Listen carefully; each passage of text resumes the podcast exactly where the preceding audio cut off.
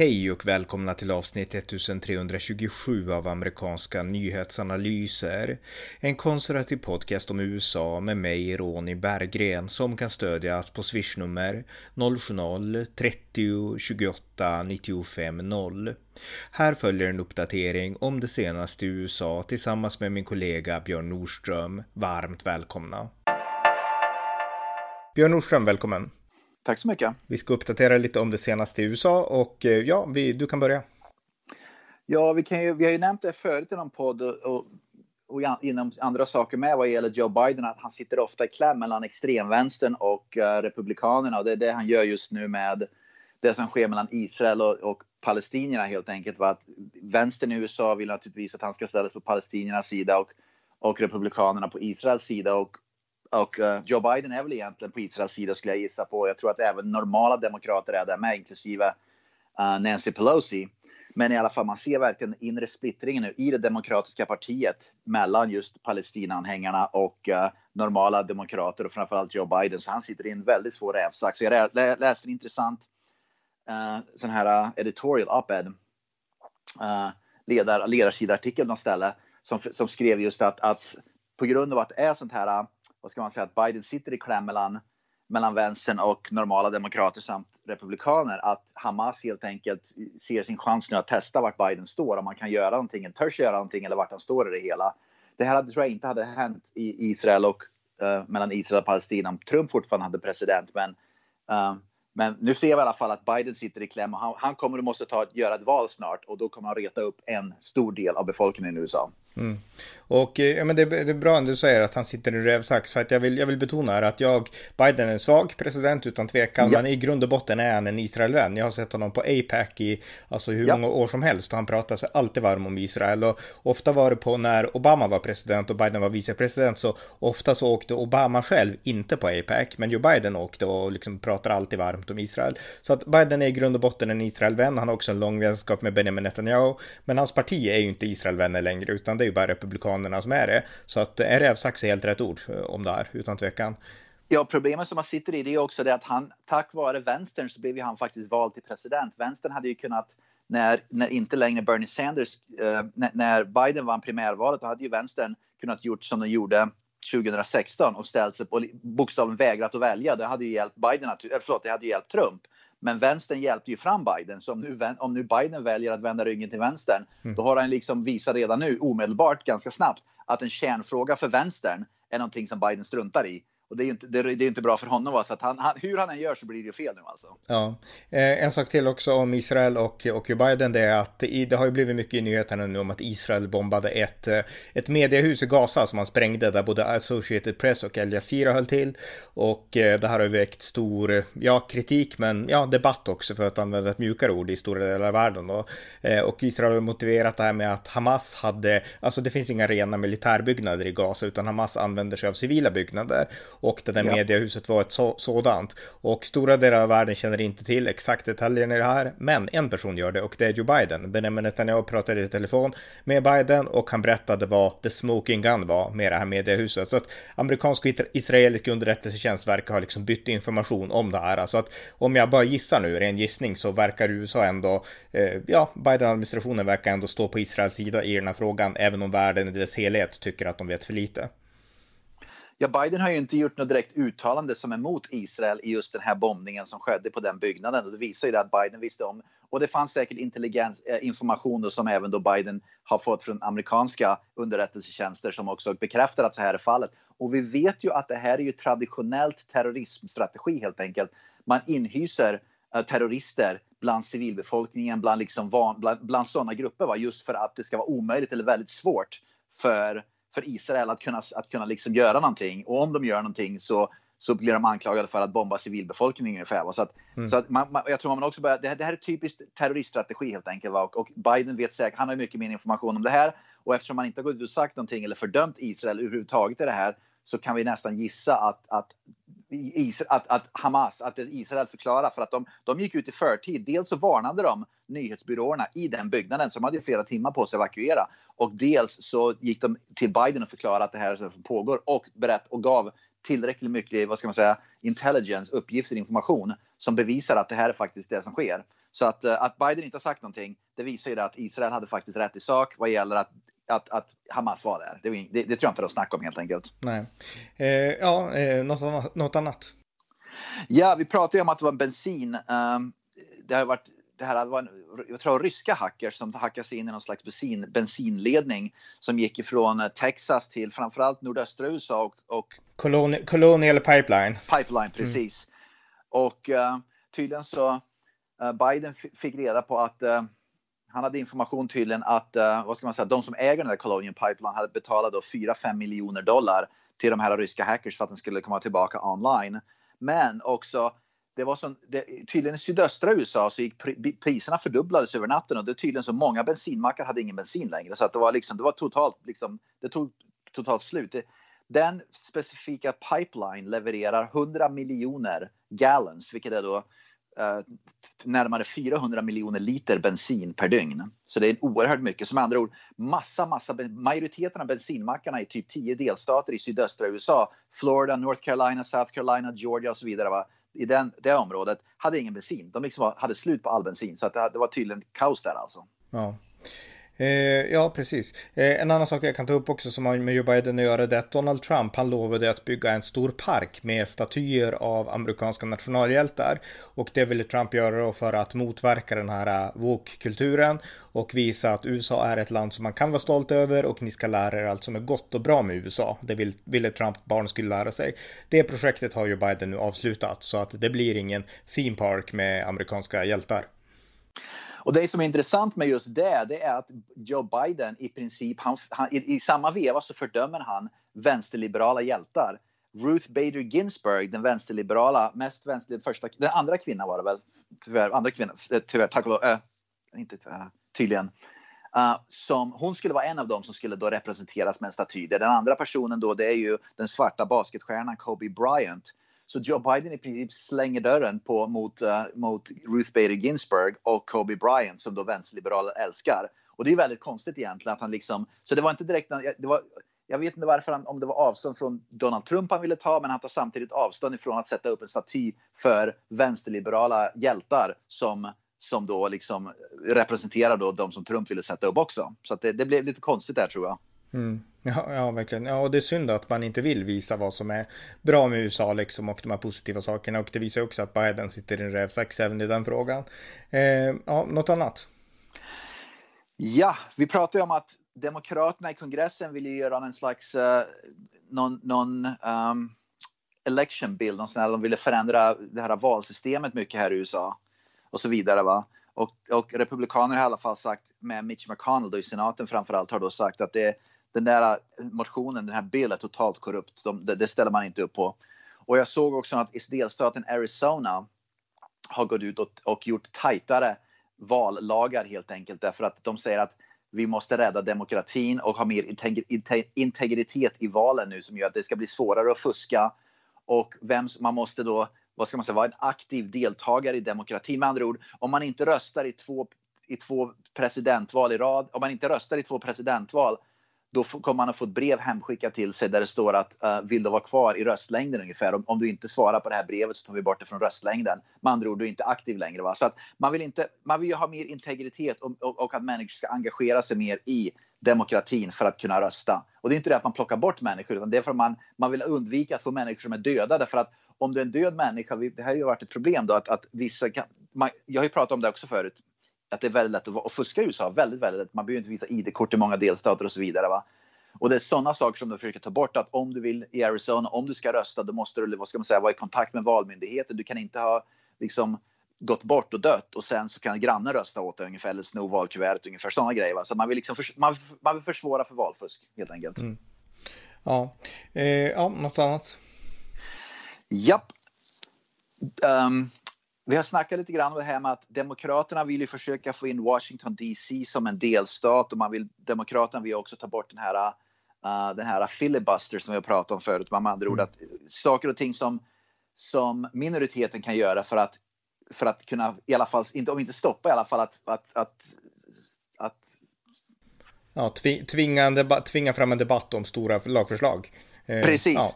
Och, och, det visar sig nu att och vi, vi, pratade tidigare om att Joe Manchin, den demokratiska uh, senatorn från uh, West Virginia, är liksom, han, han, står på Republikanernas sida, men nu visar det att båda senatorerna från Arizona, vad heter han? Um, Uh, is it, uh, uh, Kelly? Uh, ja, just det. Ja, kanske. Ah. John Kelly kan det vara. John Kelly. No, John Kelly var han som var i Vita huset. Kelly, nu kommer jag inte ihåg. Mark Kelly, förlåt. Mark, Mark Kelly. såklart, såklart. Mark mm. Kelly, ja. Mm. Och Kristen Sinema som också, båda demokrater från Arizona, men Arizona är faktiskt en republikan delstat. De, de tre nu i alla fall står på republikanernas sida och verkar inte ställa upp på på att man ska ta bort filibuster. De verkar inte vara speciellt intresserade av att DC ska bli en, en, en delstat. Som andra ord, Demokraterna verkar inte få de uh, uh, senatorerna med sig, de, alla, de rösterna med sig de behöver för att kunna få igenom allt det här dårs, dårskapen helt enkelt. Det är ju bra. Och det, och det visar ju också att även om du är demokratisk eh, senator från en delstat, där delstaten i sig är faktiskt väldigt republikansk, så lyssnar de på sin egen befolkning. Och vilket är de ska göra. Befolkningen säger att absolut inte, det här är inte det vi skickar. Vi skickar inte er till Washington DC för att ta bort filibuster eller för att få Washington DC som en delstat. Nej, och Mar- det verkar inte som att det går igenom. Nej, och Mark Kelly kan sägas, han är ju make till den här skjutna tidigare kongresskvinnan ja. Gabrielle Giffords. Och hon var ju också väldigt, när hon var aktiv, hon var ju väldigt, hon var en högerdemokrat kan man säga. Sen var hon väldigt vänster i vapenfrågan efter att hon hade blivit skjuten då. Men men i många avseenden så var hon mycket mer till höger än Obama-administrationen. Och det är lätt att glömma bort det. Men hon var också en demokrat från en republikansk delstat och då, då är det ofta så. Ja, och, vi, och det är det som är även om Arizona har då två, republikan, äh, förlåt, två demokratiska senatorer så är det i alla fall viktigt att påpeka som du nämner att de är med högerdemokrater. Det är inga sådana som Demokraterna omedelbart kommer att få med sig som röstar på precis allting som, som Alexandria Ocasio-Cortez vill. Utan uh, de, de är ofta röstar på Republikanernas sida. Så att jag tror att man, man behöver inte vara riktigt lika orolig för att det ska ske dramatiska saker i senaten som bara för att Demokraterna har 50 demokrater där plus Kamala Harris. Nej, alltså det var inget man kunde lita på innan valet och kampanjar ju Republikanerna i princip på att alla är vänsterradikala. Jag tycker att det är bra att man kampanjar så, men, men liksom det är skönt att, att, att det ändå inte är så till 100 procent. Så att, eh, ja. Ja, så man kan, det, det, det blir lugnt tror jag med allt det där. Det, det kommer inte gå igenom. Nej. Ja, fortsätt. Ja, Eh, det är mycket bråk nu mellan Nancy Pelosi och Alexandria Ocasio-Cortez. Nancy Pelosi hon är på att skriva en bok nu tydligen och i alla fall i boken så är hon väldigt kritisk till eh, eh Cortez. Framförallt så är hon kritisk att Alexandria Ocasio-Cortez är alldeles för... Hon, strun, hon, hon har ingen respekt. Så Nancy Pelosi hon har fortfarande väldigt stor respekt för, för kongressen och hon förstår att, att kongressen är större än en individ. Mm. Men hon skriver tydligen, hon har gått ut och de släpper ju såna här delar av böcker tidigare och så vidare. Så i alla fall en del av den här boken går ut att, att uh, Nancy Pelosi påpekar att Alexandria Ocasio-Cortez Alexandria Ocasio-Cortez anser sig eller tror att hon är större och viktigare än kongressen i sig. Och att hon måste förstå, förstå sin plats i demokratin helt enkelt. Och jag tror också att det verkar bli en, en, en, en, vad ska man säga, en konflikt nu. Det verkar som att det är på gång en liten konflikt mellan, mellan Cortez och Pelosi angående Israel och Palestina helt enkelt. Så att vi kommer att se allt mer um, konflikter mellan de två tror jag. Och jag tror att många demokrater som vill ha, vad ska man säga, som är normala demokrater i kongressen Um, de måste börja välja sida förr eller senare. Man, kan liksom, man inser att det är två läger helt enkelt. Mm. Jag skrev en bok som heter Donald Trump är synnerligen amerikansk president förra året och i den så tar jag upp en av de här många nu fighterna mellan AOC och Nancy Pelosi och då var det en fight om, eh, ja den handlade lite grann om alltså att när, alltså Alexandra Ocasio-Cortez anser att hon kan driva politik genom sociala medier, lite som Trump, medan Nancy Pelosi är mer att ja visst, du kan ha hur många följare du vill, men politik stiftas i den lagstiftande församlingen och det verkar ni inte förstå liksom. Så att yeah den där konflikten finns verkligen. Ja, och jag tror också att det har att göra med respekt. Att Nancy Pelosi, oavsett om man ogillar hennes, vad ska man säga, hennes politik. stil eller hennes politik eller vad det nu är. Hon har en stor respekt för kongressen och för demokratin. Någonting som, som Cortez inte har. Mm. Ja, instämmer helt. Ja, eh, fortsätt på listan. Ja, jag tänkte bara nämna att, att uh, Benjamin Netanyahu och, och, Joe Biden pratade i telefon för ett par dagar sedan. Att Joe Biden uttryckte, en, uttryckte enligt uppgifter att Netanyahu och Israel har rätt att försvara sig mot Hamas och mot, mot palestinierna helt enkelt. Så det verkar som att i alla fall mellan de två och sån, sån information lyckas väl läcka på något vis. Hur det, gjorde, hur det läckte vet jag inte, men det i alla fall kom ut att Biden i alla fall är okej okay med att Israel försvarar sig. Så att, mm. uh, det är så. Och jag tänkte också nämna att det, det sker nu de här primärvalskampanjerna, eller i delstaten New York så ska det ju vara då um, uh, borgmästarval uh, så småningom, jag tror det är höst nu. Och Andrew Yang som var presidentvalskampanj, presidentvals... Kandidat. Kandidat, förlåt. Han i alla fall um, är ju med i, i, han vill försöka bli borgmästare i New York nu i alla fall. Och, han, och det här visar hur galet hur, hur, att han, han fegade ur. Han skrev ut ett tweet för ett par dagar sedan som gav stöd, till, uttryckte öppet, öppet stöd till Israel och sen började vänstern hetsa på honom och då tog han tillbaka det tweetet. han raderade bort det och bad om ursäkt. Mm. Ja, ja, verkligen. Det här visar verkligen trycket från den här radikala vänstern i just Israelfrågan. För jag menar, vi, vi ska ja. verkligen komma ihåg, jag menar Nancy Pelosi, jag har hängt med hennes karriär sedan 2006 när hon varit invald som majoritetsledare första gången och eh, hon var ju någon som alla betraktade som vänsterradikal, men hon var Israelvän och hon var kritisk mot Kina. Det är saker man lätt glömmer bort idag, men, men de här två frågorna har hängt med henne stora delar av livet. Israelvän, kritisk mot kommunist-Kina. Men, eh, men liksom, eh, ja, och många i hennes generation är likadan. Vi nämnde ju Biden nyss, men nu har det kommit en ny generation som är jätteradikala. Och eh, de här eh, lite yngre politikerna som Andrew Yang, de är ju mycket mer mindre förankrade i, i den här gamla liksom det gamla demokratiska partiet som stöder Israel så att eh, de gör ju vika mycket enklare än vad Nancy Pelosi och Joe Biden gör skulle jag tro.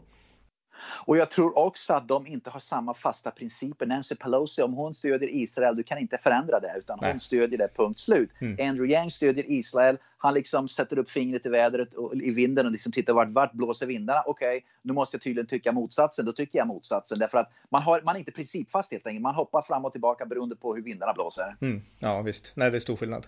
Ja, eh, fortsätt. Ja, goda nyheter. Joe Biden har i alla fall lovat nu att en 13 mile, vilket är ungefär närmare två mil av, av muren mot Mexiko ska byggas. Så att han har godkänt nu att två, ytterligare två mil av muren ska byggas. Så det är bra i alla fall. Så han verkar ha lite pejl på att någonting måste göras för att få, få bukt med problemen ja, vid gränsen. Och det är intressant, för han stoppade ju murbygget helt bara för några veckor sedan. Så att eh, ja, verkligheten springer ikapp. Alltså, ja, precis. Mm. Ja, och vi kan också nämna, jag nämnde här förra podden att ar, äh, inte arbetslösheten, äh, äh, vad heter det? Äh, Arbetslösheten.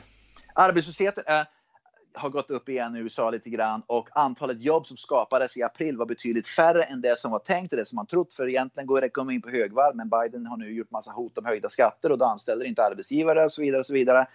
Nu i alla fall inflationen nu börjar gå upp i USA. Jag läste någonstans, jag kanske har fel i siffran, men jag läste någonstans att inflationen ökat med 4,1 procent i april eller vad det var. Att, att den, den börjar gå upp väldigt kraftigt nu, inflationen. Mm. Och media liksom börjar media, tyvärr, vänsterliberal media börjar inte ta upp sådana saker. De borde ta upp det, men de gör inte det. Där de visar att arbetslösheten börjar öka, inflationen går upp, att, att liksom Biden misslyckas i princip allt. Jag kan inte komma på någonting där han har verkligen gjort ett bra jobb helt enkelt. Han misslyckas i allt just nu. Men media liksom målar inte upp honom som, som en misslyckad president ändå. Fast han gör ett, det är liksom, USA under Biden går dåligt. Det börjar gå sämre helt enkelt. Va? Och det är inte, det är liksom vanligt folk vill ha det bättre och arbetsgivare kan ha det bättre och ekonomin. Han har liksom, vad ska man säga, satt käppar i hjulet för allt och alla nu. Ja. ja, inrikespolitiskt är det en katastrof. Det enda jag kan tänka på ja. utrikespolitiskt är att det, han kör en hyfsad politik, hyfsad i alla fall mot Kina. Men det är det enda jag, jag kan komma på egentligen. Ja. Jag kan nämna någonting lokalt här också att eh, i delstaten Vermont där jag bor så har eh, delstats, delstatsrepresentanthuset eh, deklarerat att, att rasism är en hälso um, Eh, hälsoemergency, hälso, vad heter det på svenska? Hälso, um... ja, nödläge, kris typ, jag vet inte. Ja, Hälsokris. Nödläge, krisnödläge i, i, i delstaten Vermont kring rasismen och jag, jag, förstår liksom inte vart den kommer ifrån. De flesta av mina vänner är ju mörkhyade, va? bokstavligen. Stora majoriteten av mina personliga vänner och min fru är alla uh, etniska minoriteter, mörkhyade, väldigt mörkhyade. Och när jag pratar med dem, de säger bor vi i samma delstat som de där representanthuskongressledarna som dessutom alla är vita? För att jag känner inte alls på det här viset, förklarar de för mig. Jag liksom att de, de begriper inte alls hur, hur det kan komma sig att man gör sån deklarering. Men så är det. Det är väl det som kan vara poppis nu. Det är liksom man tävlar om vem som kan vara mest radikal i sånt där. Ja, det, vi, vi har pratat om det här så mycket förut och jag, men alltså det är helt galet. Jag menar, jag antar att din fru känner sig inte liksom utsatt för rasism, till exempel, gissar jag. Absolut inte, herregud. inte ett skvatt. Det liksom, vi, har inte all, vi har aldrig de diskussionerna ens, för att det liksom och mina kompisar, vi pratar inte om det, därför att det, liksom, det existerar inte i vår värld. Och vi är ute mycket och gör både det ena och det andra. Och vi, de jobbar ju, och mina kompisar jobbar ju allting. Och de, de går ju på alla möjliga evenemang och grejer nu. Vermont har ju börjat öppna upp, nu är det inte masktvång längre här. De, så livet i Vermont är ju normalt nu igen i princip.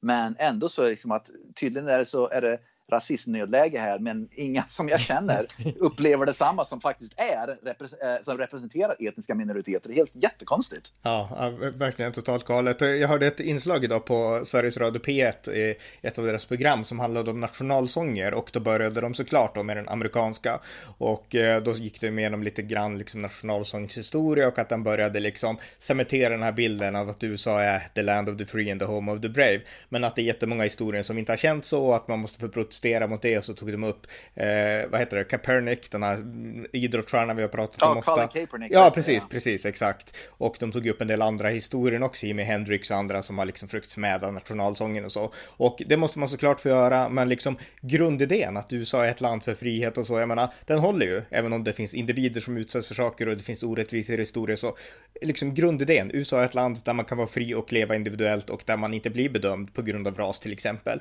Åtminstone inte i nordstaten och i synnerhet inte i vår tid. Så jag menar, ja, eh, ja, det är liksom, de lever i en parallell värld de här som gör sådana konstiga särlagstiftningar.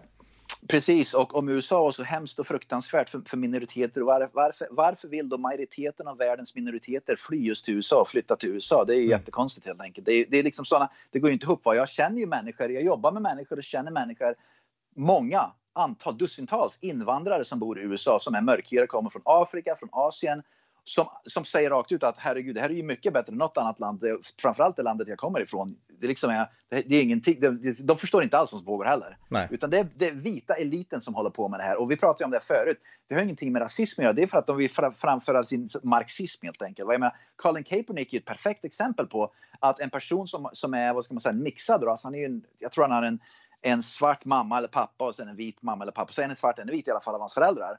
Och han har ju lyckats bli mångmiljonär. Dels på, på att spela sport och sen dels på att uh, vara aktivist. Va? Så han har ju verkligen lyckats bevisa att, att, att hudfärg spelar ingen roll. Nej. Eh, på tal om hälsa och sånt så tänkte jag bara fråga om liksom coronan och sådär. Ja, det, det sprids ju mycket i Brasilien fortfarande och sådär och, eh, och så. Men hur ser läget ut i USA nu? Jag menar, väldigt många, du sa att det, det börjar återgå till normala i Vermont. USA i dess helhet, helhet då? Jajamän, CDC som är då, vad ska man säga, lä, vad heter det på svenska, det här, uh, Anders Tegnell är väl i CDC i ja. Sverige kan jag tänka mig, jag vet inte vad det heter på svenska, men det här, ja, hälso, de som, ja, hälsomyndigheten typ, mm. har i alla fall gått ut och sagt att Eh, mask, man behöver inte längre bära mask längre, man kan samlas, med andra återgå till det normala livet. Det, det, helt, det, börjar bli helt normalt nu och Joe Biden har gått ut och sagt att han stödjer helt CDCs eh, rekommendationer att återgå. Vermonts guvernör har gått ut och sagt att han stödjer precis allt det där. Så livet i USA, vare sig Vermont eller jag tror vissa delstater tror jag kan vara, ha lite striktare. Jag vet att, att Bill de Blasio uh, i New York City och Andrew Cuomo i delstaten New York då, de kämpar för att, att, ha hårdare restriktioner, men det är mer politiskt än någonting annat nu tror jag. Man vill ha kontroll bara. Mm. Men i alla fall, många delstater har inga restriktioner utan man, man träffas, man har inga, man behöver inte hålla avstånd från varandra längre. Alla de där social distancing och masker och allt det där, det, där man kastar, det, det, det, det, behövs inte längre. Utan det, USA är tillbaka i storlek till normalt. Ja, en fråga som har hamnat upp i diskussioner gällande coronan, det är ju nu snarare en, en annan fråga, inte den akuta krisen, men hur uppkom coronan? Och det har liksom börjat föras diskussioner i kongressen och lite överallt om att det här kanske ändå uppkom i ett labb, laboratorium i Kina, trots allt. Ja. Och att, eh, ja, det här var ett laboratorium som har funnits, det vet vi, eller, och att USA finansierade det vet vi också. Och det har ställts frågor om det och sådär. Jag har inte tänkt med i detaljerna i debatten, jag såg något när Rand Paul frågade ut Eh, Anthony Fauci och sådär, men, men inte liksom några detaljer. Alltså, hur går debatten kring det, om du vet något om det? Den, den är ganska, det rapporteras knappt om den. Jag läste för ett par veckor sedan att, att jag minns inte, det var någon utredning som hade gjorts i alla fall. Och uh, USA, jag minns inte vem det var, men det var i alla fall någon av de här myndigheterna i USA som konstaterade att det förmodligen var i, i labbet i Wuhan som det uppstod och så vidare. Va? Men det är inte speciellt mycket snack om det där längre. Det, det, det, det är inte det att jag tror folk vill mörka eller någonting, utan jag tror att man, man, man, är ganska överens om att det, det startar i ett labb i Kina helt enkelt och sen det, det är ungefär på det linjen man är. Mm. Men det, det, är ingen, det är ingen större debatt om det helt enkelt. Nej, nej just det. Eh, ja, eh, har vi något mer? Uh, ja, uh, South Carolina, var det South Carolina? North Carolina, förlåt. I North Carolina i alla fall på grund av North Carolina har stora problem med, vi nämnde det här med bensin, att det är ont om bensin. Så i North Carolina nu så finns det en, en, en nödlag som gör att om du inte måste åka bil så stanna hemma. Med andra ord att du, måste, du får bara åka, använda bilen om det är liksom nödläge. Ungefär. Mm. Men tydligen så ska tydligen så bensinen börjar flöda nu igen så det ska i alla fall börja bli bättre nu ska jag tro. Uh, en polis och den nämns ju inte, sånt här nämns ju inte i vanlig vänsterliberal media men en polis i New York för ett par dagar sedan blev det var någon som låg i bakhåll och sköt polisen tre gånger. Uh, så att poliserna skjuts nu på, det har vi pratat om förut, de skjuts på öppen gatan av krypskyttar som helt enkelt hatar poliser. Ehm, jag såg ytterligare en, en person som, två personer, två asiater, en i New York och den andra minns jag inte vart det var i alla fall. Uh, det var i Kalifornien, en i New York och en i Kalifornien. Där asiater blev påhoppade och neddunkade och nämnas ska, det här spelar egentligen spelar ingen roll men för att bara nämna, det var svarta gärningspersoner som dunkar ner asiater. Så, prat, så när folk snackar om att liksom asiater och det rasism och allting, då, ah, då liksom gör man antagandet att oh, det måste vara vita som ligger bakom. Men många av de här asiaterna som blir nedslagna på gatorna blir nedslagna av svarta uh, amerikaner, inte av vita. Mm. Vi, har, vi, har, pratat om det förut, men det tål upprepas. Alltså i så här, många amerikanska filmer, speciellt på 90 och 80-talet, då var det alltid så här kinesen i butiken som vart rånad av en svart ung kille liksom. Så att... Uh, ja. ja. Ja. Ja. Ja, eh, något mer? Uh, Maxine Waters, hon är ju en kongressledarkvinna då från delstaten Kalifornien i alla fall. Och nu framkommer information om att hon har använt under en längre tid Secret Service för att hon har inte rätt till Secret Service. På, på man, kongressledamöter har liksom, det finns för regler för hur, man, för hur man får använda Secret Service. Men hon har kringgått de reglerna nu så att när hon har flugit, liksom flugit uh, mellan till exempel hemdelstaten Kalifornien och, och kongressen i, i Washington DC. Hon har i alla fall kringgått eller smusslat med de där reglerna så att hon har, hon har använt sig av Secret Service och tagit bort Secret Service från viktigare arbetsuppgifter och tydligen så kom det fram ett exempel nu som gjorde att det var att så Secret Service sitter på vissa flygplan därför att det finns någon på ett flyg, det är vanligt flygplan som flyger, det vanliga människor flyger från till exempel uh, Washington till Kalifornien då Uh, och då är det ju Secret Service är där för att helt enkelt hålla ögonen på någon viss person som de till exempel, vad ska man säga, eh, spionerar på för att mm. liksom hålla koll på. Va? Men hon i alla fall, hon, hon tog bort dem från planet för istället vara på hennes plan dit hon skulle flyga. Och det, och det gjorde att med andra ord, hon äventyrar säkerheten av en, av en, väldigt, av en person som var under uh, uppsikt av Secret Service som inte längre var på uppsikt under ett plan med vanliga passagerare uh, helt enkelt för att, för att hon vill ha Secret Service med sig istället. Och det visar att hon struntar i fullständigt vanliga människor. Ja, ja, så att hon liksom beordrade dem att gå av det planet och komma på hennes plan istället. Och de följde väl bara vad hon sa. Men tydligen så bröt hon mot reglerna. Mm, just det, just det. Ja, där ser man. Ja, något annat? Ja, uh, Cornell, uh, Cornell University är ett universitet som ligger här i New England. Är det New England det ligger? Jag kollar upp det där. I alla fall, men det är ett fint universitet i alla fall. Och de hade byggt en sån här rock climbing. Uh, ja, Bergsklättring. Precis ja, eh, grej. Det bara, det icke-vita människor fick inte vara med. Så om du, om du var vit fick du inte använda dig av den. Men tack och lov så var det elever på det universitetet som började protestera och började hävda att det här är ju rasism. Du måste vara mörkhyad för att få använda den här bergsklätterväggen. Klätterväggen ja. Mm.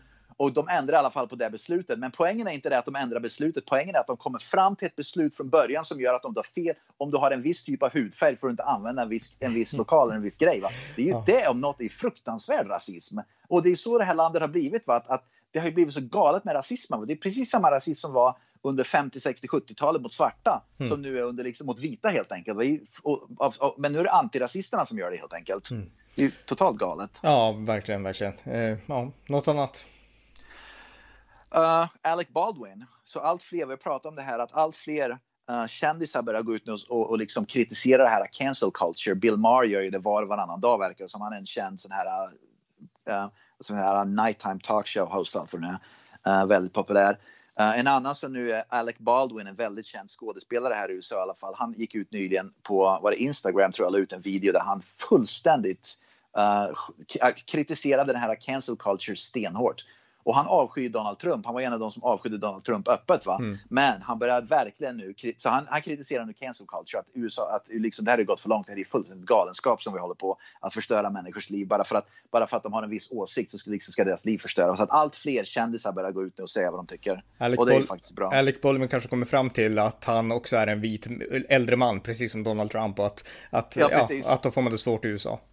Precis, ja. Mm. Och det här är också en sak, du vet att de här som um, det här Pride-veckan ska väl börja nu snart tror jag. Mm. Det är väl Pride-veckan ska väl pågå snart och i alla fall, de pratar ju om att man ska vara inkluderade. Pride pratar ju om att man ska vara inkluderad och inkludera människor, men precis samma Pride i New York City i alla fall exkluderar New Yorks polis. Eh, polis. Så Pride i, i, New York har sagt att polisen ska inte få, ska man säga, de vill inte ha polisen närvarande när Pride ska göra sina, eh, vad ska man säga, paradtåg. Och det är ganska komiskt egentligen. De säger att, att, man ska inkludera människor, men vi ska exkludera vissa grupper. Poliser i det här fallet. Va? Det är fullständigt vansinnigt. Det, att, det låter ju som någon synkronisering mellan Black Lives Matter och Pride. För annars, jag menar, ja, jag menar, det måste finnas homosexuella poliser också liksom. Ja, ja, precis. Och det är så himla Men framförallt är det det att vi är inkluderade och vi... Och så, men det, det är hyckleri helt enkelt. Mm. vi, vi, det är som Black Lives Matter. Vi är antirasister, men vi hatar vita. Vi ska utstänga vita från allting. Mm. Det är liksom det är det här och det är det här att, att, att liksom samhället ställer upp på det där, att Demokraterna och vänsterliberal media ställer upp på det där, det är för mig en gåta helt enkelt. Ja, det är livsfarligt, för polisen kan inte göra något om de inte har stöd av politiker och det är det som gör att om politikerna ställer sig på pöbelns sida, då blir det laglöshet till slut. Ja, och det, mm. det verkar som att det är dit vi är på väg, men jag hoppas att allt fler nu börjar gå ut och liksom Uh, framförallt kändisar går ut för att som du nämnde Alex Bal Alec Baldwin, han är ju, som du nämnde, han är en vit, vit äldre man. Och när allt fler börjar inse att oj då, det är mig de är ute efter egentligen, då kanske man till sist uh, ja, vågar säga ifrån. Mm. Ja, eh, något mer? Uh, den sista grejen i så fall jag har här det är att det finns en professor i alla fall. Vi pratar ju om att Kina har ju då infiltrerat många amerikanska universitet då. Framförallt vad de kallar för kinesiska kulturcentrum som visar sig vara, vad ska man säga, kinesiska militären driver dem helt enkelt i, i syfte att, att spionera och indoktrinera mm. elever i kommunism helt enkelt, i kinesiska mm. kommunismen. Va?